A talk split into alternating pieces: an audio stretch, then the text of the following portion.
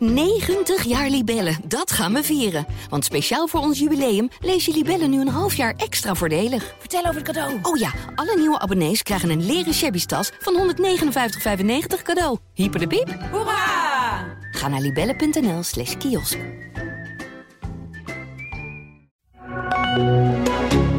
Dit is de AD Voetbal Podcast met Etienne Verhoef. Het weekend van de blamages, de strijd tegen de online haat, beslissen buitenspelers de competitie en het Bram van Polen gevoel. Dit is de AD Voetbal Podcast van 11 december met Mikkel Schauka. Mikkels, ik wil er toch even mee beginnen. Ben je supporter van Go Ahead Eagles? Denk je, kom, het is bijna kerst. Laat ik een boompje meenemen. Mag dat ook al niet mee het stadion in? Het is, toch, het is toch belachelijk? Het is toch leuk dat op een tribune dan gewoon even een boompje staat... dat iedereen een piek meeneemt en wat ballen... dat een beetje sfeervol is in zo'n stadion? Ja, het was wel een kale boom, maar ik Ja. weet niet of die, of die al was gestript. Ik wil weten waar de rest van de piek was en waar de ballen waren natuurlijk. Die je Ja, dan... Ik vond het een schitterend moment dat die boom dan eindelijk dat vak uit is. En Ja. dan loopt er zo'n steward met die boom weg. En dan trekken er nog een paar aan die tak. Zodat die man weer met die boom... Stond hij nog terug en die stonden dan te schateren. Ja, ze hebben er toch... Ik denk dat ze de lol er toch genoeg uit hebben gehaald. Het is niet noodzakelijk dat je hem tot de negentigste minuut eh, hebt. Ja. Maar welk moment kom jij door de controle heen bij de stewards... En met een kerstboom een tribune op, vroeg ik me gelijk af. Ja, ik denk dat ze hem over een hek heen gooien. Of ja, je zegt ik kom de kerstboom brengen. Denk je dan dat de steward zegt eh kerstboom Oh, brengen? tuurlijk. Ja, nee, Ja. ja. zal, het zal wel kloppen, ja. Ik zou daar eerlijk gezegd ook in trappen, denk ik. Nou ja, de kerstboom, nou, er is de kerstboom, hij is mooi op tijd. ja. Ja, ja je ziet natuurlijk wel vaak dat heel veel mensen naar het stadion gaan van clubs houden en van voetbal houden, maar eigenlijk niet zo gek veel met voetbal zelf hebben. Hè? Dus die komen echt voor het sfeertje, dat merk je bij veel clubs. Die zitten helemaal niet te wachten op eh, uitleg over, eh, over eh 5-3-2 en eh hoog druk zetten en wat minder. Die komen gewoon omdat ze het gewend zijn, omdat ze het gezellig hebben op de tribune, omdat ze lol maken, omdat ze een biertje drinken. En, en dat is hier ook iets van natuurlijk. Als je een echte voetballiefhebber bent, dan denk je natuurlijk niet, ik ga met een boom op een tribune zitten. Maar deze mensen, ja, die halen hier een plezier uit. En dat is natuurlijk iedereen gegund. Hè? Je hoeft echt niet natuurlijk tot in drie cijfers achter de komma al het voetbal te, te, te doorgronden. Je kunt ook gewoon lekker een potje voetbal gaan kijken. Af en toe wat missen, lekker met je vrienden eh, zitten. En dat viel me laatst wel op. Wij zitten natuurlijk op de perstribune altijd redelijk eh, eh, verzorgd. Hoewel het wel minder wordt. Leon ten Voort had daar een prachtige column over geschreven. Dat we steeds meer in hoekjes worden weggestopt. Maar ik ging vorig seizoen aan het einde naar de Nations League met mijn kinderen eh, in de... In de in de Grolsvesten tussen Italië en Spanje. Maar hoeveel mensen er dan om de vijf minuten bier gaan halen. Ja. Voor je neus weglopen. Dus zelf niks zien. Jij ziet ook de helft niet. Ja, dat is onvoorstelbaar. Dat is een beetje honkbal, hè? Bij het honkbal heb je dat heel erg. Bij het honkbal zitten Ja. mensen bijna nooit een hele wedstrijd te kijken. Want de ene naar de andere in Amerika gaat, ho- gaat hotdogs halen, hamburgers. Dus, eh, Dus het is ook een, eh, ja, een entertainment business op die manier. Hè? Ja. Dus niet zozeer geïnteresseerd of, of Italië misschien een, eh, een tactische wissel doet. Of, ja, die missen gewoon de helft van de wedstrijd. Maar hebben daar toch een uitje. Ik vond het vervelend dat ze elke keer voor je neus stonden. Maar het was ook wel weer eens goed om te zien dat, dat eh, wat op de perstribune gebeurt, niet in de rest van het stadion natuurlijk gebeurt. Dat doorgronden van wedstrijden en kijken of het allemaal tactisch wel klopt. ja, Heel veel mensen zijn daar niet mee bezig. nee, dat klopt. Eh, nou, heel veel mensen zijn zich ook een beetje bezig met de verdiensten van sporters. Eh, er is een honkballer, die heeft een nieuw record ongeveer gevestigd. Met een salaris, 700 miljoen geloof ik, had hij contract voor getekend voor de komende jaren. En Ja. niet op te houden in de sport, hè, wat dat betreft. Nee, nee, als je natuurlijk ziet wat, de Amerika, of wat, wat er betaald gaat worden voor de rechten van de Premier League, of wat, wat, wat er is toegezegd al. Ja, onvoorstelbaar natuurlijk. Onvoorstelbare bedragen. Ja, 700 miljoen dollar gaat hij verdienen de komende 10 jaar. En, en daarmee verpulvert hij alle records. Hebben die meer dan LeBron James en dat soort dingen allemaal. Het is eh, een speler van eh, de Los Angeles eh, Angels die naar de Dodgers gaat. Een Japanse honkballer, Otani. oké, ook nog een Japanner. Ja, ja het is Ja. echt het is ongelooflijk. Ja, ja die, eh, de sportbusiness dat wil natuurlijk wat. Hè? Je kunt een hoogbegaafde eh, wiskundige zijn en niemand in, je leven, niemand in het leven weet dan wie je bent. En als je op eh, eerste divisieniveau speelt en je maakt een keer een mooie goal, dan eh, kunnen ze over 25 jaar nog zeggen: Oh, jij was toen die speler van, eh, ik noem maar wat, van Cambuur, die die bal toen eh, bij de tweede paal binnenslingerde. Ja, dat soort, dat soort dingen gebeuren. Hè? Ik kom ook nog wel eens mensen tegen natuurlijk in de voetballerij die je nu niet meer herkent, omdat ze niet meer op het Panini-plaatje eh, lijken van de jaren 80. Maar dat zijn dan best, bes- best eh, bescheiden voetballers geweest. Ja, en die ken, je, die ken je allemaal nog van haven tot gort. En de mensen die misschien veel meer in hun leven bereikt hebben of veel meer voor de maatschappij betekend hebben, die kennen we allemaal niet. Maar ja, dat is, dat is eh, inherent aan sport. Hè? Ja, nou laten we beginnen met alles wat er gebeurd is. Even in het buitenland beginnen. Eh, het was het weekend van de blamages, zei ik. Nou, dat bleek ook wel in Engeland en in Duitsland. And we we started uh, very poor, and then you're following facts. And there was, I think, a big difference to Chelsea, where we started very good the game and we were very aggressive and very focused. Today we were not, and we we, we got uh, a one shot uh, by penalty, no penalty, and then straight after uh, we conceded a goal, and that should never happen. Nee, dat is Erik ten Hag. Na afloop van de nederlaag van United in eigen huis tegen Bournemouth. Maar dan had je ook nog Bayern München, dat met 5-1 verloor uh, bij Eintracht Frankfurt. Uh, die twee ploegen treffen elkaar ook nog eens een keer deze week ja, in de Champions League. Daar waar Bayern al uh, geplaatst is en Ten Hag ongeveer moet vechten voor... Nou ja, misschien wel zijn, zijn baan toch bij United ongeveer. Want het begint nu wel heel erg nepen te worden, lijkt het. Ja, maar elke keer als je... Want ik ben van de week speciaal gaan kijken tegen Chelsea. Weliswaar voor de tv hoor. Maar uh, omdat je toch denkt, ja...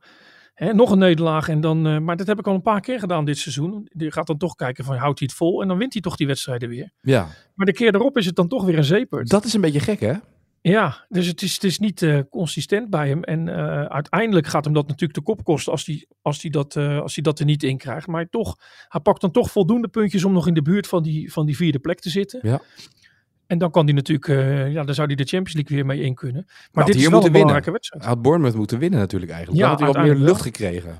Ja, en deze week, nu heeft hij natuurlijk echt alle pech van de wereld dat Bayern München, want dat is er al inderdaad. Maar die verliezen dan met 5-1 van Eintracht. Ja, dan weet je bij zo'n grote club ja, dat is, uh, dat is eenmalig. Hè. Dat, uh, die gaan er volop natuurlijk om, de, om die schade um, of die schande een beetje weg te wissen.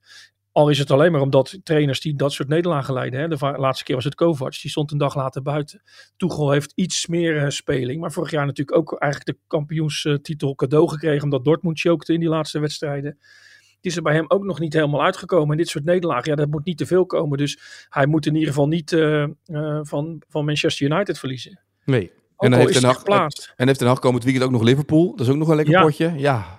Ja, klopt. Dus beide trainers, uh, ja, die vechten ook een beetje voor hun eigen baan. Ik weet natuurlijk niet hoe dichtbij een on ontslag is. Maar je weet, bij grote clubs moet het niet te lang slecht gaan. Omdat dan, uh, ja, dan komt er uh, reuring en, en, en dan is het gedaan. Ook bij Bayern München, waar het lastig is. Maar zeker bij Manchester United. Ja, en wij noemen dat dan vaak ook in koppen gelijk een blamage. En dat soort dingen allemaal. Hè? Ja. Is, dat dan, is dat zo groot allemaal, blamage? 5-1 nederlaag?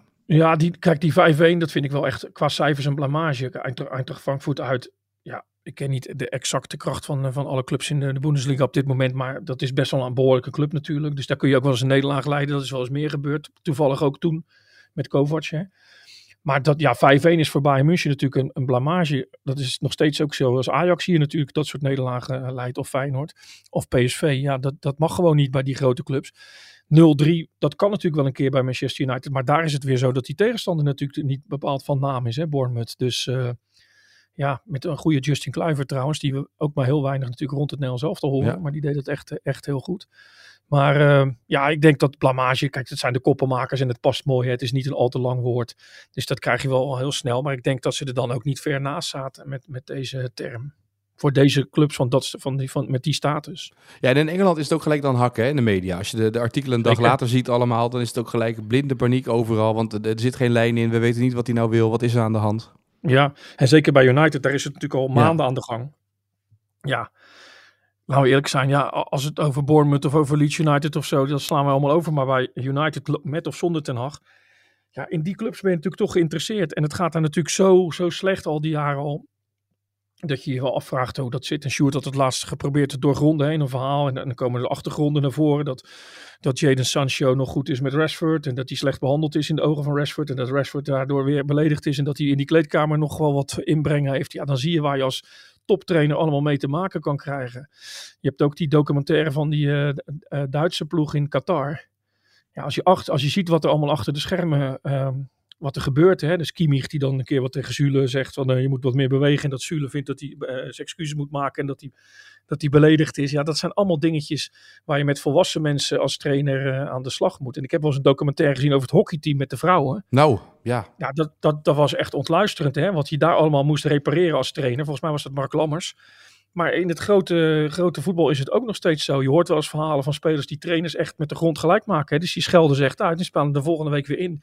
Ja, als je als trainer heel rechtlijnig bent, zoals je in de jaren tachtig wel eens zag eh, bij het amateurvoetbal, waar docenten voor de groep stonden en mensen er gewoon uitge, uitgesodemieterd werden.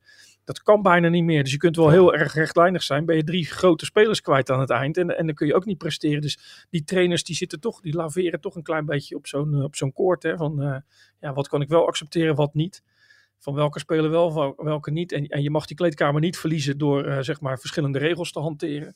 Dus het is echt wel een, uh, dat is echt een moeilijke job geworden. Ja, ik zit wel eens te bedenken dat uh, vroeger inderdaad, wat je zegt in het amateurvoetbal, Wim Schaap, weet nog wel eens bij Lisse, bij FC Lisse ja. trainer. En die bracht een jongen in, Armando Luxemburg, zal dit nooit vergeten. Die jongen stond echt twee minuten in het veld en hij riep hem Armando. En hij luisterde niet, Armando. Bord omhoog, wissel, kom maar. Dit is de derde ja. keer dat je niet luistert. En gelijk wisselen, klaar ermee. Want hij deed iets niet wat afgesproken was. Ging ergens anders lopen. Huppatee, wisselen. Ik vond, ja, ja, ja, ja. Dat kan. Ja. Weet je, wij, wij vinden het gek als Adam na 26 minuten een speler naar de kant haalt. Maar... Ja. Ik heb Jan even zoals Nixon Diaz aan de zijlijn zien roepen bij Sparta om hem in te laten vallen. En Nixon ging uh, gapen voordat hij erin ging. Dat, kan, ook, dat hoeft niet eens uh, ongeïnteresseerdheid te zijn. Hè? Kan spanning zijn, maar ook een beetje vermoeidheid. En uh, Jan Eversen stond hem zo naar rechts aan te kijken en die zei, niks van, ga jij maar weer zitten.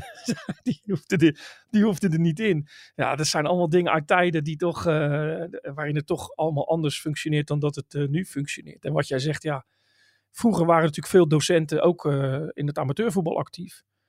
En die waren natuurlijk vrij rechtlijnig. Want ja, als je, als je een lagere school les geeft, krijg je natuurlijk ook niet zoveel weerwoord. En als je het wel krijgt, is zo'n kind natuurlijk vaak alleen en heeft hij een probleem ja, en die trekken dat door bij het, bij het voetbal. En ik denk dat het toen makkelijker geaccepteerd werd dan nu. Zoals je hoort in jeugdopleiding hebben we het vaak over gehad. Als je Pietje eruit pikt en zegt Pietje, ik weet niet wat jij stond te doen daar met links en je ingooi was niet goed. En wat je daarna deed was ook niet goed. Dat is allemaal uh, problematisch. Je mag dat niet meer uh, in de groep doen. Je moet mensen apart pakken. Dus je moet echt wel een, uh, ja, een soort psycholoog zijn om dit soort werkzaamheden goed ten uitvoer te brengen. Ja. Even het slechte nieuws voor AZ de, dit weekend was dat Matthew Ryan, de doelman, zijn oogkast breekt en er dus niet bij is in het cruciale duel deze week met Legia Warschau. Is ja. dat een aderlating? Ik denk het wel, hè? Ja, ik vind het niet zo'n geweldige keeper, maar als die er nog in staat, dan betekent dat de tweede natuurlijk ook niet. Ik neem aan dat het nog steeds verhulst is. Nee, dat is die uh, Owusu die zal waarschijnlijk... Uh, oh ja, ja dat is ook wel een goede keeper, maar die heeft de laatste ja. foutjes zien maken. Ja. Maar die speelt dus ook tegen PSV, wat eigenlijk de aller, allerlaatste kans is om nog iets van de competitie te maken. Ja, als, als AZ die wedstrijd wint, ja. dan zou het nog een klein beetje kunnen. Maar dat, uh, ja, is sowieso natuurlijk verschrikkelijk voor een jongen als hij, als hij, als hij zo'n breuk oploopt. Dus los van het sportieve is dat natuurlijk heel vervelend. Maar, uh, Hij moet, ze moeten winnen, dan zijn ze door. Ja, maar ja, inderdaad. Dan, dan heb je wel je beste spelers nodig. En zeker je, je keeper, denk ik. Dus uh, ja, heel vervelend. Ja. Ik zag ook nog een hele rare statistiek voorbij komen van AZ. Dat AZ won dit seizoen alle zeven eredivisiewedstrijden waarin Bruno Martins Indy niet speelde. Ja, Alkmaar dus behaalde slechts drie overwinningen in de acht wedstrijden waarin Martins Indy wel meedeed. Nou, dan weet je wie je moet opstellen. Maar dat is toch ook een beetje, volgens mij heeft NEC dat ook met Center. Die heeft volgens mij maar een paar minuten gespeeld. Maar als die dan speelt, dan pakken ze gelijk punten. Ja. Een soort van, Wiever was er gewoon een speler die geloof ik nog nooit in de Eredivisie had verloren tot ja, voor kort. Zoiets, ja. Maar dit bij Martins Indy, wat toch voor, voor AZ een behoorlijk uh, grote naam is. Alle zeven Eredivisie wedstrijden waarin hij niet speelde, won AZ alles. Drie overwinningen op de acht wedstrijden die die ja. wel meedeed. Ja, uh, heel apart. Ja.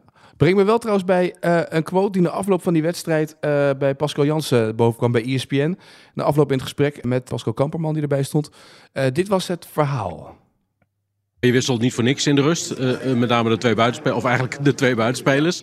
Uh, want die in de eerste helft uh, waren ze niet zichtbaar. Nee, weinig energie toevoegen aan het elftal. de diepgang die ze moesten verzorgen werd ook heel, heel beperkt. Maar vooral ook ja, het feit dat ze het elftal daarin gewoon niet voorzagen van de juiste energie... was hetgene waar ik het meeste moeite mee had. Want er kan van alles misgaan. En, en Poku heeft nu een wat mindere eerste helft achter de rug dan dat hij misschien wel heeft gespeeld tot op heden. Maar dat zijn ook momenten waar je wel mee om moet gaan en mee moet dealen. Om te zorgen dat je dan uh, ja, in ieder geval stabiel blijft voor het elftal. En dat was uh, helaas niet het geval in de eerste helft. En toen dacht ik, dit verhaal heb ik bij andere clubs ook gehoord. En is het ja. niet zo dat als je dus een elftal hebt met gevaarlijke buitenspelers, is de kans groter dat je een succesvol seizoen gaat hebben. Laat ik het zo maar even benoemen, met goede buitenspelers. Ja, het ligt een beetje aan je systeem natuurlijk. Ja. Eh, maar, Maar bij bijna iedereen speelt met- 4-3-3 toch ongeveer, in Ja. welke vorm dan ook. Ja, je hebt natuurlijk ook wel wat clubs die met die 5-3-2, maar in Nederland wat minder. Maar inderdaad, als je met drie spitsen speelt en je hebt echt eh, mensen op de flanken spelen, dan, eh, ja, zoals Slot het altijd omschrijft, is het, je moet de 1 tegen 1 domineren aan, aan het liefst aan beide kanten, maar minimaal aan één kant. Als dat niet zo is, ja, dan eh, kun je over de, over de flanken eigenlijk al niet meer gevaarlijk worden. Moet je ballen wat eerder erin gaan pompen, is makkelijker te verdedigen. Of je moet door het midden aanvallen en door het midden is het vaak heel erg druk. Dus, dus eh, ja, ze zien het eigenlijk als de, de, de manier om tegenstanders overhoop te spelen. Maar ja, je hebt maar een paar buitenspelers in je selectie. Bij, bij de topclubs zijn dat er vijf, misschien zes. Bij de kleinere clubs misschien eh, drie, vier die ze kunnen gebruiken. En die zijn dan ook nog niet zo goed. Dus eh, ja, het is een riskant systeem als die, als die buitenspelers het dus niet brengen. En als ze dus heel erg goed zijn, stel Peck heeft een hele goede, ja, dan ben je die ook denk ik snel weer kwijt. Dus, dus het, is, eh, ja, het is niet makkelijk. En in veel jeugdopleidingen wordt ook niet meer eh, met, met buitenspelers gewerkt, hè, met minder. Dus, dus op andere manieren wordt er gespeeld, 4-4-2 of 5-3-2. Ja, dan krijg je een andere manier. Daarom is het ook zo mooi nu natuurlijk dat, dat jongens als Dumfries, wat bepaald geen buitenspelers zijn, dat die zeg maar die flanken nu eh, aan het beheersen zijn en, en, en daarin eh, gevaarlijk zijn. En dat die buitenspelers wat, wat meer naar binnen spelen. Nou, jij ziet bij PSV heeft dus genoeg buitenspelers die gevaar Ja. kunnen stichten. Dus die staan bovenaan. 15 wedstrijden gespeeld, 0 eh, punten laten liggen. Ja. Terwijl Feyenoord doet het in puntenaantal hè, beter dan vorig jaar. Maar je ziet in het spel dat ze nu spelen. Natuurlijk heb je Jiménez als topscorer, net als AZ, Pavlidis. Ja. Maar het gevaar op de vleugels blijft dus in grotere wedstrijden voor deze ploegen een uitdaging, een probleem eigenlijk. Ja, klopt. Ik denk niet dat het bij Feyenoord in het verleden veel beter was. Maar wat me wel opvalt is bij Feyenoord dat ze eigenlijk allemaal... Hè, dus je hebt, ja, als je er vijf, zes hebt, heb je altijd wel één of twee die het, goed, die het even brengen. Maar ze zitten eigenlijk allemaal een beetje op hetzelfde niveau. Ze brengen het nu niet. Het heeft AZ Daarom dus ook, hè? ook. Ja, AZ ook, ja. Daarom denk ik dat bij Feyenoord bijvoorbeeld zo'n Leo Sauer best wel snel in zijn kans zou kunnen krijgen. Hoewel die jongen natuurlijk nog erg jong is. Maar ja, als hij blijft zoeken als trainer. En ik snap dat het moeilijk is, want als hij daar Ivanusek hebt lopen van een miljoen of acht. En, eh, en daarna komt een Leo Sauer die, eh, eh, die je voor een habbekrats uit, uit Slowakije hebt gehaald. Ja, dan, en die doet het heel goed, dan ben je die Kroaat natuurlijk alweer een klein beetje kwijt. Dus je moet daar ook een beetje naar zoeken. Maar eh, ja, dat is voor, de, voor AZ en, en, en Feyenoord is dat wel de sleutel om nog een echte strijd van te maken met, met PSV, zolang die strijd er al is. En als dat niet lukt, om eh, uit te maken wie de nummer 2 in de Eredivisie wordt. Ja, want ook Twente eh, hebben in het begin van het seizoen gezegd, toen daar de Ja. vleugelaanvallers verdwenen. Nou, dat wordt wat, hè. Midtjylland was weg. En je- Het is dan een zoektocht, wie gaat wat er dan gebeuren? Ja. Czerny weg. Maar Doen nu, het wel ja, ja, met Rots natuurlijk rechts en, en Flap veel naar binnen spelend vanaf links. maar die Taha tegen Excelsior, die daar stond ineens. ja, dat was ja, toch wel gevaar? Ja, Ja. Was wel een aparte wedstrijd, hè? want als Ja. Excelsior geen rood krijgt, ja tuurlijk. wordt het natuurlijk nooit meer, draai je het nooit meer om. Nu is het rood, vlak voor rust nog die goal. Ja, ik heb die, die dat, dat is wel grappig. Hè? Als je die overtreding van die zaken ziet, als je het vanuit één hoek ziet, denk je, ja, dit is is niks aan de hand. Nee. Je kan die niks aan doen. Zie je het vanuit een andere hoek, dan denk je, denk je, ja, hij schept hem met volle kracht. Maar ja, als je de beelden echt goed bekijkt, denk ik dat die jongen vooral pech had. Maar goed, dat wil niet zeggen dat je dan geen rode kaart mag krijgen. Maar goed, het kan tot meteen zo'n hele wedstrijd. En eh, ja, het, dat zat dan net in het voordeel van, eh, van Twente natuurlijk. Want ja, nogmaals, ik denk niet dat ze dat zomaar hadden goed gemaakt. Nee, maar goed, zo'n zo'n buitenspeler die dan wat gevaar sticht, dus in dit geval Ja. zo'n Taha, waar ook aanval bij Twente ging ook over rechts, brengt dus in de ploeg van Oosting ook iets extra's wat ze daarvoor ook niet hadden eigenlijk. Dus we hebben het Ja. vaak die spits, die moet je hebben, maar ja, weet je, soms zijn de gevaarlijkste mannen juist de man op de vleugels. Ja, en je ziet natuurlijk clubs als Excelsior van dat kaliber die naar dat soort wedstrijden gaan. Ja, die houden natuurlijk het centrum gesloten. Ja, En dan moet je over de flank eh, aanvallen. doen ze ja, zelf ook natuurlijk, hè, met Driewedge en dat soort jongens. Ja, maar je Ja. ziet bijvoorbeeld Vitesse doet het ook gewoon nog over Ja. de flank hè, met Manhoef. En dan eh, die jongen die die tweede goal maakt als invaller weliswaar. Dus ja, ook de kleinere clubs denken wel dat ze daarmee nog eh, de winst kunnen halen. Die wedstrijd heb ik trouwens gekeken. Normaal ga je natuurlijk niet eh, de hele wedstrijd voor Vitesse tegen Heracles zitten kijken. Boetra bedoelde jij trouwens, die jongen. Ja, Boetra, ja. die viel in. Maar, dan, maar ehm, ja, als je die wedstrijd bekijkt, dan zie je natuurlijk niet het, het gewenste droomvoetbal. Dat begrijpt iedereen wel. En je gaat niet zitten. Het zou gek zijn als Vitesse in één keer fantastisch voetbal speelt. Maar je ziet wel, zeg maar, de verbetenheid en de, de urgentie om die wedstrijd te winnen. Dat heeft ook wel eens iets. En, en de mensen op de tribune die ermee bezig zijn.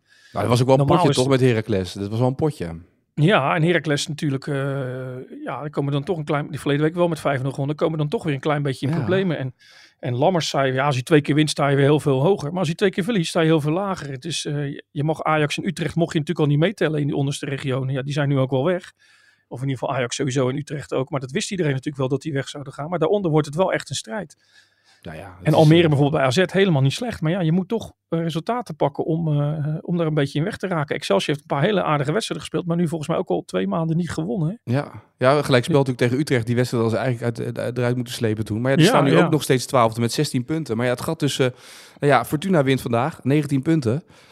Die staan negende. Eh, en en. Vitesse staat 17e met 11 punten. Ja, en bij Fortuna, ja, die Noslin, eh, die uh, maakt ze nu twee achter elkaar. Dat shirt uit, daar Ja. zou ik toch ook van denken, ja jongen, wacht nou even. Als je in de allerlaatste wedstrijd nou toevallig, en dat kan best hè, dat Fortuna alles of niets moet spelen en jij bent er toevallig niet bij. Ja, ik snap die blijdschap wel, maar ja, je kunt volgens mij ook heel veel plezier en, eh, en, en blijdschap tonen als je het shirt aanhoudt. Het is zeg maar echt het, het accepteren van een gele kaart. En dan vond ik het soms nog wel eens normaal als, eh, als eh, ja, weet ik van een familielid was overleden en ze wilden dat tonen. Maar dit is, eh, ik vind het toch, je bent niet zo heel snel geschorst in de Eredivisie. En Noslin zal ook niet een eh, enorme kaartenpakker zijn. Maar het zal straks maar voorkomen dat hij de laatste wedstrijd, ik noem maar wat, naar PEC moet. Ik heb het schema even niet in mijn hoofd. En het is alles of niets. En jij bent er niet bij omdat je toevallig een paar kaarten hebt gepakt, waaronder deze. Ja, nou ja, mooi bruggetje naar PEC. Eh, Bram van Polen was na afloop van de wedstrijd die eh PEC speelde en verloor. Met eh 1-3 van NEC. Heel Ja. duidelijk, want die, die had een beetje de balen van dat het publiek eh, eh, eh, van die witte zakdoekjes en van die borden aan het ophouden was om de directeur eruit te krijgen. Dat ze bij de 1-2 de Asterix-treffer PEC niet steunden, maar dat ze eigenlijk heel stil waren.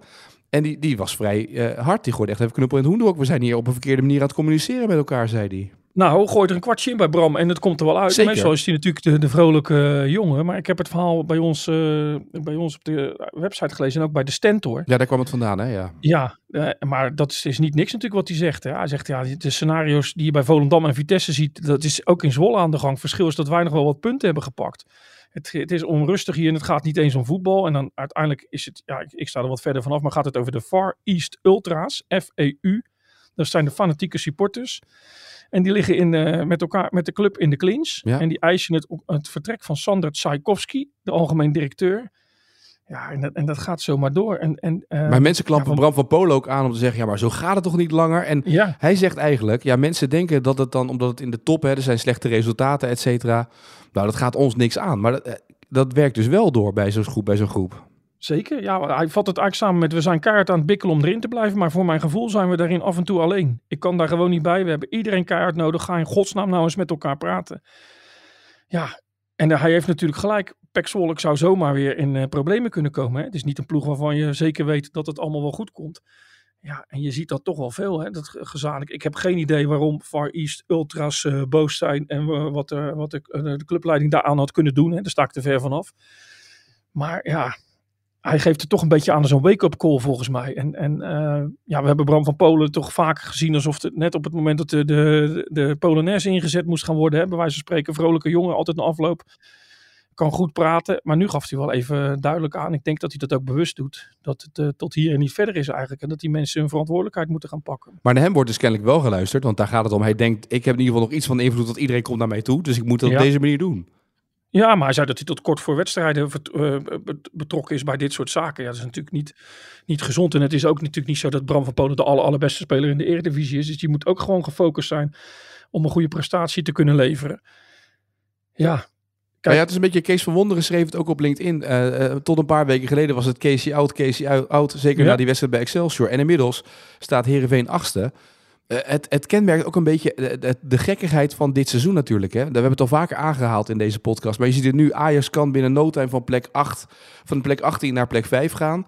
Utrecht wint langzamerhand een paar wedstrijdjes en ineens heeft Ron Jans de code gekraakt, zo lijkt het. Weet je, Dat wordt dan Ja. overal geroepen. Eh, het kan natuurlijk heel snel gaan in deze competitie.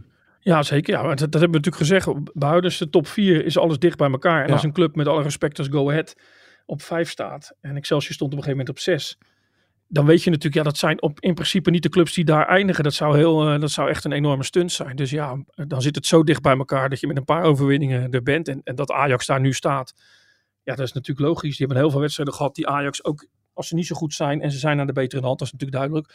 Maar als ze, die, eh, als ze niet zo goed zijn, dat ze die wedstrijden ook kunnen winnen. Alleen ja, het was zo slecht gegaan in het begin van het seizoen dat mensen daar nog aan twijfelden. Maar ook bij FC Utrecht, ja, mijn zoon zei, die Ron Jans moet wel echt een goede trainer zijn. Dit zet hij ook weer op de rit. Maar als hij natuurlijk die spelersgroep ziet en wat Ja. hij nog op de bank heeft, is het ook weer niet zo gek dat ze dit soort wedstrijden winnen. Alleen ja, je hebt ook aan het begin van het seizoen gezien dat het, dat het ook niet heel, eh, dat het dat het ook geen zekerheidje is. Dus, maar het gaat nu dan toch wel weer uh, lopen. Ja, die twee clubs horen er natuurlijk bij. En normaal gesproken zal Ajax natuurlijk nog alles op alles zetten om te kijken of misschien een van die drie achtervolgers van, uh, van PSV, dat daar uh, de klad erin komt en dat ze die nog in, bij de Lurven kunnen pakken. Ja, maar goed, het, het, tekent een beetje het seizoen. En er is ook zo van Polen die dit soort dingen zegt. Ja. Maar gaat dat dan effect hebben? Want hij roept dit. Maar ja, ik bedoel, als er zo meteen weer drie wedstrijden verkeerd gaan of één keer een verkeerd berichtje wordt gestuurd, dan is het gelijk weer klaar natuurlijk, toch? Ja, kijk, als dat zo suddert binnen een club is dat best wel lastig. Maar het is wel zo, kijk, als uh, Piet van de commerciële afdeling zegt en nu is het afgelopen, dat heeft vaak geen effect. Nee? Dus het moet iemand zijn met, met, met status. En ja. Uh, ja, dan heb je soms een, een voorzitter of een bestuurslid met een grote naam die dat kan doen. Maar in feite zijn de grote helden zijn natuurlijk de spelers. En bij Pexel is dat natuurlijk Bram van Polen, die er al sinds uh, 1642 in de, in de, in de A-selectie zit. Dus ja, als iemand er wat van moet zeggen, is hij het. Ik weet alleen natuurlijk helemaal niet, ja, hoe ver is dat al, uh, is dat al gevorderd, dat conflict? Ik zag ze met borden staan. Is dat... Ja, er moest ook een nieuwe bestuurders, er moest een nieuwe structuur komen. Ook was weer door de Raad van Commissarissen geroepen en dat soort dingen. Een beetje à la Volendam. Er moet wat anders gebeuren, het moet anders. Ja, nou ja, die clubs nemen wel een groot risico. Als je, als je dus inderdaad halverwege zo'n seizoen alles overhoop wil gooien. Ook Volendam, wat natuurlijk van de week wel dicht bij een, uh, een puntje was tegen Feyenoord. Maar je neemt daarin wel een groot risico. En ik denk als je het rustig hebt, dan kom je vaak weer bij, bij, uh, bij jouw club, hè, bij jouw geliefde Excel, door jouw geliefde Excelsior. Ja, mensen gaan zo weer afhaken als ze zo vaak Excelsior ja, zeggen. ja. ja, nee, maar daar is het natuurlijk wel altijd rustig. Nou ja. En vaak moeten we er ook een beetje om lachen, weet je wel. Van, uh, ja, als Excelsior verliest, dan maakt ze niks uit. Maar rust is uiteindelijk natuurlijk voor spelers die niet tot de top behoren of nog lerende zijn die nog moeten komen, is dat natuurlijk wel een, uh, is dat natuurlijk wel een, ja, iets waar lekkerder werk is dan dat uh, de Far East Ultras uh, op de deur staan te bonken omdat Tchaikovsky eruit moet. Nou, in deze overspannen eredivisie onderin kan ik me voorstellen dat rust heel prettig is, maar het kan ook weer verslappen, omdat je dus inderdaad heel snel ja. het gevoel kan hebben, oh ja, we voetballen lekker, het komt wel goed, maar dan krijg je zo'n beetje zo'n Heracles gevoel zometeen, dat je ineens op de laatste speeldag erachter komt dat je gedegradeerd bent. Ja, dat is toen. Ja, dat is waar. Dat is waar. En, en, en het zit natuurlijk ook in het DNA van sommige clubs. Hè. Bij Vitesse is het, uh, is het standaard natuurlijk wat onrustiger dan bij wat Ja. we net noemden. Excelsior. Maar ik denk wel, natuurlijk moet je de lat niet zo laag leggen dat je zegt van joh, ga maar lekker voetballen en we zien het wel. Dat blijft natuurlijk betaald voetbal en er is heel veel mee, mee uh, uh, gemoeid om, om, om resultaten te halen. Of was het alleen maar de werkgelegenheid van de mensen op kantoor en zo. Ja. Maar, maar um, ja, ik denk toch als, het, als, het wat, als er wat minder stress op zit, dat dat uiteindelijk beter werkt. En dit is zo'n groot peloton wat kan degraderen. Ja.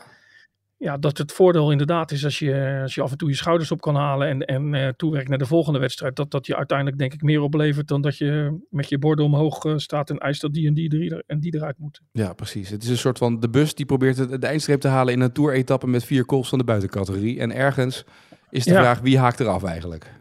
Ja, en, en eh, als je niet in paniek raakt, gewoon rustig blijft drinken, je op de juiste momenten een beetje laat duwen. Hè? Een keertje aan de ploegleiderswagen hangen als er geen eh, camera's bij staan. Ja, dan kom je er wel. Dan ga je helemaal in paniekerig eh, sprinten of, of een, een kamikaze afdaling rijden. Ja, en je maakt fouten, dan ben je verder van huis. Dus rust is wel echt belangrijk. Maar dan inderdaad wel de lat op betaald voetbalniveau leggen. Hè? Ja. Als je met 5-0, zoals verleden week, eh Pek van, van Heracles verliest, dan heb je het, moet je natuurlijk wel echt een een, uh, een gesprek hebben in die week.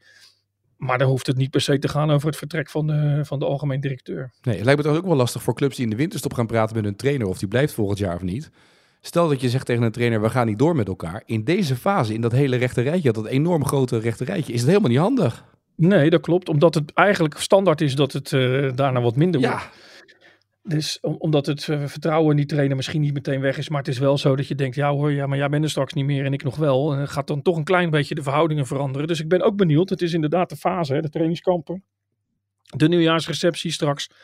Ja, dan wil je dat wel uh, bekendmaken. En, en je kunt er misschien nog even mee wachten. Maar goed, Niet te lang. Ja. Nee. Nee, nee, nee. En je hebt gelijk. Daar zitten heel veel clubs bij die misschien toch denken: ja, moeten wij wel met deze trainer verder? Of misschien dat de trainer denkt: moet ik hier wel uh, verder? Dus ook dat kan een factor zijn straks in de uh, degradatiestrijd. Ja, nou goed, laten we dan maar even naar de drie punten gaan. Ja, we krijgen natuurlijk heel veel berichten. Zoals je weet bij mij, de racistische dingen. Ja, kan allemaal niet door de beugel. Dus vandaar deze campagne. Ik denk dat het een hele mooie video was van ons. En ook bij de dames. Ik wist niet eens dat die dames werden uitgescholden. Dus uh, ja, vandaar. Brian Brobby na afloop van de wedstrijd die Ajax won. Um, Ja. En de, de drie punten bij Ajax achterop om aandacht te vragen voor de haat op sociale media. Uh, bijna nog, uh, nog belangrijker dan die overwinning van Ajax met 2-1 op Sparta. Want het ging daar heel veel over. Veel clubs en veel, de KNVB nam het ook over. Is dat goed, het initiatief om dit zo aan te pakken? Ja, uh, hoe meer, hoe beter Ja. lijkt mij. En ja, ieder normaal denkend mens heeft hier natuurlijk ja, heeft hier geen commentaar op. Nee. Ik weet ook niet zo goed wat ik er verder over moet zeggen dan dat het. Nou ja, misschien is het wel. Het, het, is nu eenmalig, uh, maar Ja. weet je hoe ga je dit nou? Want ik zat toevallig, nou ja, ik zat even te kijken. Twente eh, Excelsior was afgelopen en toen zag ik het bericht op Instagram voorbij komen dat, eh, nou ja, Excelsior had een eigen bericht geplaatst verloren. Maar daaronder uit het buitenland reacties op Van Gassel eh, met scheldwoorden erbij. Eh, je moet de ballen tegenhouden. waren gokkers natuurlijk, die in het Ja, buitenland hadden gegooid. Ja. Maar dit is dus wel wat er gebeurt dus. Hè? Los van, Ja. van eh, de, discriminatie. Het is helemaal idioot natuurlijk dat mensen dat doen. Ja. Maar dat dit soort dingen dus gebeuren. ehm, Ja, ik vind nog wel een verschil, zeg maar. eh, eh, inderdaad, wat je zegt. Kijk, mensen zijn emotioneel, houden van een club. of zijn inderdaad betrokken omdat ze heel veel geld eh, op een wedstrijd hebben gezet. en, en, en gokken. En dan mag je best wat vinden van de linksback of de linksbuiten. of dat hij niet goed presteert. Maar ja, ga je over de schreef met het racismeverhaal. is natuurlijk een heel ander verhaal. maar überhaupt, wat heeft het voor zin in deze tijd om op... Ja, het is, het is Ja, het heeft geen zin, maar Nee. het is een soort uitlaatklep. Maar zolang dat fatsoenlijk is, ja, hoort dat natuurlijk ook een klein beetje erbij. Ik kan me het mezelf niet voorstellen dat je eh, uit, frustratie eh, roept dat eh Piet op linksback eh O-been heeft en het moet allemaal anders. Maar De O-been is wel netjes, maar dat- het gaat om dat ze geen kloot van kunnen en dat hij de boel... Nee, dan gaat die bal er steeds Ja, in. precies. Ja, dat. Ja. Maar- ja, het gaat er vooral om, kijk, als dat fatsoenlijk is, je leeft mee met zo'n club en dan kan ik me best wel voorstellen. Ook als je zelf gevoetbald hebt, weet je ook wel eens als je dan in een kantine kwam, ja, dan kreeg je ook wel eens emotionele Piet van de vijfde kolonne die dan vond Ja. dat je de bal beter had binnen moeten houden enzovoort. En dan vond je dan ook een vervelende lul op die avond. Maar ja, ach- als je daar achteraf over nadenkt, denk je, ja, die mensen leven voor die club en die zijn soms teleurgesteld dat je het gewoon niet eh, hebt gebracht of eh, hadden er wat meer van verwacht. Maar gaan ze schelden en gaat het zeker richting racisme, ja, dan, dat, dan, dat gaat natuurlijk alle perken te buiten. En zeker in Engeland is dat een groot probleem. En hier eh, blijkbaar ook. En, ehm, Maar ik vond de ja, oplossing van Steven Berghuis aardig. Berghuis die had gezegd...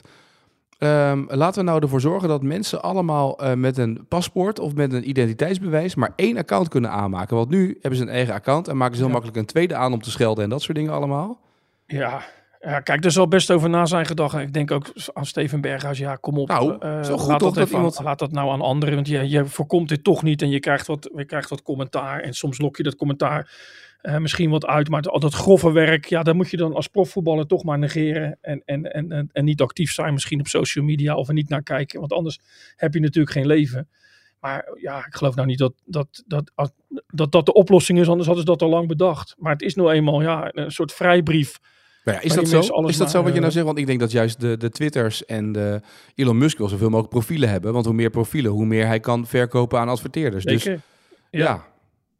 Ja, ja, dus jij bedoelt dat gewoon eh, dat het alleen nog maar geregistreerd kan en geen tweede. Ja, dat dan weet je wel wie het doet. En nu kan je anoniem gaan tieren. En het moment dat, nou ja, je ziet nu met de bekertjes, het moment dat dingen gelijk aangepakt worden, et cetera, ga je misschien minder snel, behalve dat bij in Deventer nemen ze een kerstboom mee het stadion in. Maar voor de rest kan je redelijk anoniem natuurlijk de boel, dat heb, heb jij ook, heb je ook op Twitter en op X, dat, dat mensen anoniem dingen kunnen roepen naar je. Ja. En ook niet anoniem. En Ja. heel vaak zijn de mensen wel vriendelijk hoor. Dus, dus da- daar, dat is het hem niet bij ons, zo denk ik. Maar ja, als speler zijnde denk ik toch dat je daar een beetje verder weg van moet blijven. En dan komt dat racisme verhaal is een ander verhaal natuurlijk. Ja, dat, dat doet gewoon pijn. Maar als ze vinden dat Steven Berghuis wel rood had moeten krijgen. En, en, dat ze het een eh, vervelende man go, gozer vinden of iets dergelijks. Ja, maar op, dat ja, is normaal- een beetje dat- van je afgeleid. Dat kan, maar wat er daarna omheen staat, en dat is natuurlijk een beetje Ja. waar dit om gaat. Want het is, als ze dit nou zeggen, je had wel rood moeten krijgen, Berghuis, stop met zeuren. Ja, dat snap ik ook wel. Dat het, dat Maar het veel en vaak Zo gaat het vaak gaat. niet. Nee, maar Steven Berghuis heeft geen, eh, want ik heb hem natuurlijk wel honderd keer geïnterviewd, heeft helemaal geen social media, zegt hij. Nee. Dus eh, ja, die komt daar, die, die, die, dat komt dan wel voorbij en dat ziet hij dan af en toe voorbij komen. Maar ja, in deze tijd als, als speler moet je daar toch gewoon van, van afsluiten, hoe, eh, hoe erg het ook is. Zoals het ook in stadions, zo, wordt er flink op je gescholden natuurlijk. Ja, als jij een corner gaat nemen en iedereen roept dat je op een, eh, dat je, dat je, ja, laten we man en paard noemen, de meest verschrikkelijke dingen naar je gillen. En jij bent er van slag, je schiet die corner achter. Ja, dan doen ze, blijven ze het natuurlijk doen, omdat ze denken dat het effect heeft. Dus Maar voetballers kunnen dat niet. Ik andere sprak Michiel Kramer pas daar ook uitgebreid over. En, en die zei Ja. ook eens zeggen, ja, maar het houdt een keer ergens op, weet je, als ze dat steeds naar je aan het roepen zijn. ja, maar hoe wil hij het? Ja, dat hoe- is de andere kant. Ik snap wel dat hij het niet leuk vindt. En, maar hoe wil je dat dan dat het ophoudt? Ja. Nou ja, misschien door dit soort acties dus vaker te doen. Iedereen. Toch? In plaats van eenmalig. Ja, maar ook dan denk ik niet. Denk jij nou dat die mensen die daar morgen op Twitter zitten of op X en, eh, of op weet ik veel waar denken nou, uh, ze horen een uitspraak van een speler en ze gaan de, dat ze dan denken, ah, het heb op het shirt bij Ajax gestaan, laten we er maar mee stoppen. Het is natuurlijk een goed bedoeld initiatief. Ik kan me niks nou ook niet doen. voorstellen. Ja, niks doen is natuurlijk ook niet goed. Nee. Maar ik heb niet het idee dat, dat, dit nou de, dat dit nou de oplossing van het probleem is. Of in ieder geval, het zet het op de kaart. Maar dat staat het natuurlijk al langer. Maar ja, er zijn ook bijna geen straffen voor natuurlijk. Het enige wat je dan kunt bereiken is dat mensen misschien van, inderdaad, van social media af worden gegooid als je dat anders inricht. En dat ze daar wat minder zijn. Maar dan vinden ze wel weer een ander kanaal om te zeggen dat je er helemaal niks van kan. Of een lelijke kop hebt of weet ik veel wat. Dus het is, ja, het is van deze tijd, hoe erg het ook is. En profvoetballers eh, zullen er toch een klein beetje mee moeten leren leven. En ja, de profvoetballers die, eh, die er het minste last van hebben, dat zijn toch de mensen die er helemaal niet naar kijken. En zich zo min mogelijk laten informeren. Maar het is natuurlijk niet alleen eh, social media. Ja, je kunt ook eh, aan- de, aan de praattafels voorbij komen en daarin nogal afgebrand worden. En, en ook in, in, in- onze stukken, kranten, podcast en zo, sporadisch. Maar dan zijn we natuurlijk ook wel wat strenger dan tien jaar geleden. Hè. Daar zijn we ook wel wat, wat, wat, wat uitgesprokener. Natuurlijk niet op racismegebied of zo, dat soort dingen. Maar wel, eh, ja, is een speler nog wel goed genoeg? Dat soort dingen. Ja, Nou, als het je kan daar ook heel snel gaan. kan gaan, dan zit het je carrière ook in de weg. Ja, want het kan ook weer heel snel gaan. Eh, zoals we vaker al gezegd hebben met die stand in de eredivisie. Maar ook met, met spelers. Want tot voor kort kon eh Bobby er helemaal niks van. En nu zegt iedereen, daar gaan we de komende tien jaar in Oranje nog heel veel plezier van hebben. En John van het Schip, die, ja, moeten kijken hoe hij het allemaal gaat doen met dit, met dit materiaal. Maar die is gewoon, als je het afmeet aan zijn resultaten, zo'n beetje de best presterende trainer eh, eh, de laatste periode. Ja, klopt. Hij heeft natuurlijk een, eh, een uitstekende eh, reeks neergezet. Maar wel ook een reeks waarin Ajax echt wel de punten moest pakken. Niet Ja. dat Stijn nou allemaal moeilijke wedstrijden heeft gehad, maar er zat wel eh, iets Er tussen. zit wel meer lijn in dit spel bij Ajax nu, toch? Jawel, maar je zag natuurlijk ook eh, Mar- Marseille en zo dat het nog wel broos is. Hè? En de te- tegenstanders in de Eredivisie dat dat toch wel wat makkelijker gaat. En je ziet ook dat Sparta de tweede helft vooral de bal heeft gehad. Maar ja, dat het een opgaande lijn heeft en dat, en dat, dat uiteindelijk vertrouwen oplevert. En dat zo'n ploeg eh, niet meer dat gezeik heeft van eh, jullie kunnen degraderen. Of eh, al die geintjes die gemaakt worden met de teletextpagina erbij. Ja, dat, dat werkt natuurlijk allemaal mee. En Van het Schip kweekt daarmee vertrouwen. Wat hij volgens mij vooral goed heeft gedaan, is, is als ik tenminste de interviews bij ons lees en als ik die spelers hoor, is dat hij toch met die spelers bezig is geweest. Hè? Ze een beetje ja, eh, een duwtje in de rug te geven, een beetje vertrouwen te geven. Nou ja, dan komen dan wat resultaten bij. De ene keer wat gelukkiger dan de andere.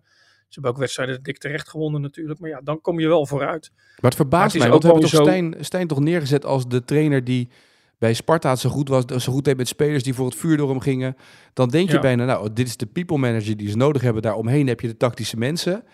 En dat mislukt dan. En dan zit er nu een nieuwe man. En die gaat dan ook op dezelfde manier aan de slag met mensen praten. En eventjes, Ja. eh, en, en dan gaat het ineens wel. Ja, het heeft ook met resultaten te maken. Het heeft met karakter te maken. Johnny van Schip is natuurlijk een, een, eh, een hele zachtaardige, eh, vriendelijke jongen. Tuurlijk kan hij ook hard zijn, want hij heeft in het betaald voetbal zich zijn kop boven water gehouden. Maar ik vind hem toch een beetje richting Van Bronckhorst neigen. Hè? Keurig uitleggen, dat, dat, soort, dat soort dingen. Maar ook die mensen kunnen natuurlijk uiteindelijk boos worden. Dus ja, daar heeft het vooral mee te maken. Het heeft een beetje te maken met het programma wat je hebt. Het heeft een beetje te maken met ja, de wind in de zeilen af en toe. Zo'n strafschop die Sparta nu tegenkreeg. Ik kon me daar wel een beetje in vinden dat Rijsdijk zei dat het, dat, dat overdreven was. Maar goed, ja, dat soort momentjes krijg je dan toch in één keer mee. Ja, en dan, dan, dan, dan kom je weer bovendrijven. En, en Van het Schip heeft daarin natuurlijk ehm, ja, wel het voordeel dat hij naast Stijn is ingestapt. Dus eigenlijk eh, is alles daarna wat je anders doet, dat wordt dan zo uitgelegd. Maar het is ook zo als John van Schip aan het einde van het seizoen verdwijnt. Dat is ook de voetballerij. Als dat zo zou zijn, hè, normaal gesproken zou hij er maar één seizoen zijn. Dat je het ook niet uit hoeft te sluiten dat mensen zeggen, ja, maar van het schip, dat is... Hè, ah, de zittende trainer hoor je weinig over. De trainer die weg is, hoor je het meeste over. Van Schip heeft dan nog wel één voordeel. Hij blijft binnen Ajax volgens mij ook nog in een bepalende functie. Dus als jij als rechtsbuiten of als linksback... Iets zou zegt, dan zeggen mag je gelijk op eh, kantoor komen. Zegt hij, wat zei ja, je ook dan, alweer? dan Ja. krijg je nog een keer last. En Stijn is verdwenen. Dus ze hebben het idee natuurlijk, als ik nu kritiek op hem uit, dan, eh, ja, dan doet me dat verder geen zeer in de rest van mijn carrière. Je weet nooit hoe het eh, uiteindelijk eh, loopt. Maar ja, dat zou bij Van Schip straks ook nog kunnen. Maar Van Schip en Stijn zijn natuurlijk andere karakters, zonder dat ik ze nou van haven tot gort ken. Maar ja, Stijn is een straatvechter, gaat de strijd aan. Van Schip eh, een stylist geweest als voetballer. Vriendelijke jongen. En ja, hij heeft het vertrouwen teruggebracht bij die spelers. En eh, ja, dat, dat, dat uiteindelijk is het natuurlijk gewonnen wedstrijden. Ja, dan gaat, het, eh, dan, dan gaat iedereen vrolijk naar zijn werk. En worden er eh, dingen veel makkelijker geaccepteerd dan dat je wedstrijdjes achter elkaar verliest. Ja, nou, deze week nog maar eens verder praten over eh, of je Maurice Stijn eigenlijk dan eh, nog, of dat je eh, John van het Schip niet nog een jaar door moet laten gaan. Of dat je moet zeggen aan het einde van het jaar we gaan een ander halen. Want als het zo goed gaat. Ja, ik krijg toch een beetje het idee dat het heel langzamerhand naar doorgaan met van het schip gaat neigen. Ja. Hè, maar dus van een afstandje. Maar ja, dat gevoel, wat ik, als ik mensen spreek die van Ajax houden, ja, die zijn allemaal wel tevreden. En je moet daar niet te snel in zijn. En je zag toen, bijvoorbeeld toen eh, Stam wegging, hoe advocaat dat deed. Ja, Hoe populair die was en hoe dat weer afbrokkelde daarna. Maar op dit moment, ja. Ik denk als je op dit moment een polletje zou houden en zou zeggen, moet Johnny van het Schip niet gewoon een jaar bijtekenen? En het is ver voor het einde van het seizoen, dat mensen dat misschien, eh, ja, dat er toch wel meer mensen zijn die, die vinden dat het wel zo is, dan niet zo is. Aan de andere kant moet Ajax natuurlijk ook wel echt weer terug naar de top. Hè. Eh, Ze gaan nu in een seizoen redden wat er te redden valt. Hè. Een nederlaagje hier en daar, het is allemaal nog niet zo'n ramp, want het was allemaal erger daarvoor. Ja, dan is natuurlijk de vraag, moet je dan met een absolute toptrainer komen? En ik zeg niet dat Van het Schip dat niet is, maar in, in, eerder in zijn carrière was hij natuurlijk niet een absolute toptrainer. Hij heeft wel goede dingen gedaan. Ja, het is een beetje de vraag wat Ajax wil. Willen ze een trainer die de hele boel naar zijn hand gaat zetten, weer, eh, weer briljant voetbal gaat spelen met andere spelers dan dat ze nu hebben, of in ieder geval eh, eh, betere spelers gaan halen? Ja, dan zou je er misschien ook weer een andere trainer bij moeten vinden. Maar op dit moment doet Van Schip natuurlijk precies waar hij voor gevraagd is. En volgens mij gaat hij nu naar het huwelijk toe van zijn zoon. ja precies. Ja, Dus dan mist hij nog mist hij één wedstrijd? één wedstrijd volgens mij zou die missen, ja. Oh ja, na die, na die Europa Cup wedstrijd Ja, volgens mij. precies. nog. Ja. Ja, nou ja, maar ook dat. Hè. Ik bedoel, ja, daar was er geen ontkomen aan, want dat stond allemaal al vast. Maar er is, dat hoort ook een beetje bij Van Schip. En iedereen vindt het ook wel.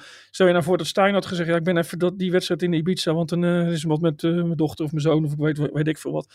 Was anders geweest hè, voor, voor mensen. Van Schip, ja, dan denken mensen, ja, familieman, heeft veel meegemaakt nu in zijn familie. Dat stond natuurlijk denk ik, voor de ellendige Ja. periode alvast. Tenminste, ik neem niet aan dat het op het allerlaatste moment nu gepland is. Maar ja, mensen gunnen hem dat. Mensen zien dat het een familieman is. En hij heeft gewoon een, eh, ja, een enorme gunfactor. Ook bij eh, mensen die niet voor Ajax zijn. Ja, daar kan hij nu eh, eh, gebruik van maken de komende tijd. En dat kan Ajax goed doen natuurlijk. Ik mag aannemen dat de mensen die nu luisteren vanaf de redactie onder deze eh, podcast op de site een polletje gaan zetten of ergens gaan plaatsen. En dan ben ik heel Ja. benieuwd wat morgen eh, het resultaat is. Maar het lijkt me We kunnen prima gelijk zien of ze, wel, of ze wel luisteren bij ons. Het lijkt me ook een goed, ja, als ze allemaal meeluisteren en als ze dat polletje Ja. gelijk neerzetten. Ik denk het wel. Ik denk dat gelijk zo meteen allemaal appjes gaan krijgen. Maar dan weten we dat in ieder geval. Ja. We gaan tot slot, Mikos, van deze podcast nog maar eventjes naar onze vraag van vandaag. Vind je niet? Ja, is goed. De vraag van vandaag. Dit was de vraag afgelopen vrijdag van Leon. Nee, nee, nee. Ik, ik, ik gooi hem buiten de regio. Welke speler eh, was tot aan de, eh, de wedstrijd van donderdag... had de meeste succesvolle dribbles achter zijn naam dit seizoen? Ja, tot de wedstrijd van afgelopen donderdag, tot die wedstrijd van PSV. Want ik kreeg hier ook de vraag van Joe Koppert, die zei Johan Bakayoko. Dat is hem dus niet. Nee, dat dacht ik eerlijk gezegd ook. Maar ehm, Wie was als hij het zegt, ik gooi hem buiten de regio, is het ook niet Daan Rots. Het is ook niet Daan Rots. Ook al zou je dat bij Nee. Leon wel denken. Maar het is ook niet Daan Rots. Nee, dat klopt. Ehm Sanko? Nee. Ik kreeg ook nog mensen die zeiden Driovic. Ook niet. Nee? Nee. Maar wel van eh. de topclubs? Ehm, nee. Dat maakt het nog leuker. Nee, ik weet het niet. Nee, Leon Kingma wist het wel. Osama Sarahoui van Heerenveen. Ja. Ja, dat is wel zo'n speler, ja. Ja. Mooie vraag van Leon. Ja, een van de Ja. eh, vele antwoorden die binnenkwamen. En Leon had het goed. En het was ook een vraag waar je eh, de waardebon voor voetbalshop.nl mee kan winnen. 25 euro. Dus Leon, die komt naar je toe. We nemen contact met je op. Eh, van harte gefeliciteerd. Zoek wat moois uit ervoor. eh, want het is een bon ter waarde van 25 euro. Dus van harte gefeliciteerd bij deze. Eh, Maar dat is de vraag. Ik kreeg ook nog een vraag binnen van een luisteraar. Zullen die erin gooien of had je een vraag voor jezelf? Ik had een vraag eh oh, nou prima. maar- Doe maar. Nee, doe maar. Dan, eh, Ja, bewaar je hem dan? Ja? bewaar ik hem nog even, ja. Oh, dan, daar komt hij dan, want we gaan weer naar de Champions League natuurlijk. We zitten hier altijd over Nederlands voetbal te praten, maar nu vooral de Champions League, waarin eh eh Feyenoord natuurlijk geen echte rol meer speelt en PSV ook al door is. Maar in de topvoetbal, het echte topvoetbal, Jude Bellingham, Ja. die heeft 10 goals gemaakt in de Champions League voor zijn 21ste verjaardag. En er zijn drie spelers die dat eerder ook hebben gedaan, voordat ze 21 jaar werden. Eh, de vraag is, ja, welke drie spelers maakten ook voordat ze 21 werden 10 goals in de Champions League? Mooi, mooie vraag. Nou, mocht je dit weten, eventjes in de, in de feitjes duiken, in de cijfertjes duiken. eh, laat het ons vooral weten. Dat kan via X met de hashtag AD Voetbalpodcast en dan beleefde en nette berichtjes sturen natuurlijk. Ehm, of via eh, Instagram een DM'tje naar mij sturen. Ook dan eh, ding je mee naar de eervolle vermelding. Dan wel de prijs, dat weet je nooit natuurlijk. Die kan zomaar voorbij komen. Die drie spelers die voor hun 21ste de grens van 10 doelpunten in de Champions League wisten te doorbreken. Wie waren dat? Als je het weet, laat het ons weten. Morgen het antwoord. Denk je dat. Morgen zit, eh, volgens mij, zeg ik dat goed, Maarten Wijfels? Even kijken. Ja, Maarten Wijfels weet die het Ah, die, gaat het, die gaat er twee raden. Want kunnen, als je een beetje nadenkt, kom je daar wel op. Maar die derde weet ik niet of die, die, eh, of die weet dat hij al zo jong ook al zoveel goals maakt. Zullen we ook een polletje van maken op de website op ad.nl? Weet Maarten Ja. Wijfels het antwoord op de vraag van vandaag? Ja, ja dan gaat hij het opzoeken natuurlijk. En uiteindelijk kom je er dan achter. Ja, dan gaat hij ook nog meedingen naar die prijs. Je kent hem, hè? Ja, nee, tuurlijk. Ja, zo gaat het, hè? Ja, die probeert ook nog die prijs binnen te slepen. Dan gaat hij onder een schuilnaam. Ja. Heet hij Waart, Waarten Meijvos. En dan moeten we weer eh, Ja, de dan berghuis... moeten we eh, ingrijpen. Dan moet je zeggen, ja, je moet de ideeën eh, aanleveren. Ja, we moeten het hele, is- hele prijs alle gaan doen. Ja. het is gewoon heel belangrijk. Ja, het, is, nog niet zo'n slecht plan. Nee, nou bij deze. Mikos, ik wens je een hele mooie dag. En tot de volgende. 90 jaar Libellen, dat gaan we vieren. Want speciaal voor ons jubileum lees je Libellen nu een half jaar extra voordelig. Vertel over het cadeau. Oh ja, alle nieuwe abonnees krijgen een leren shabby tas van 159,95 cadeau. Hyper de piep. Hoera! Ga naar libellen.nl slash kiosk.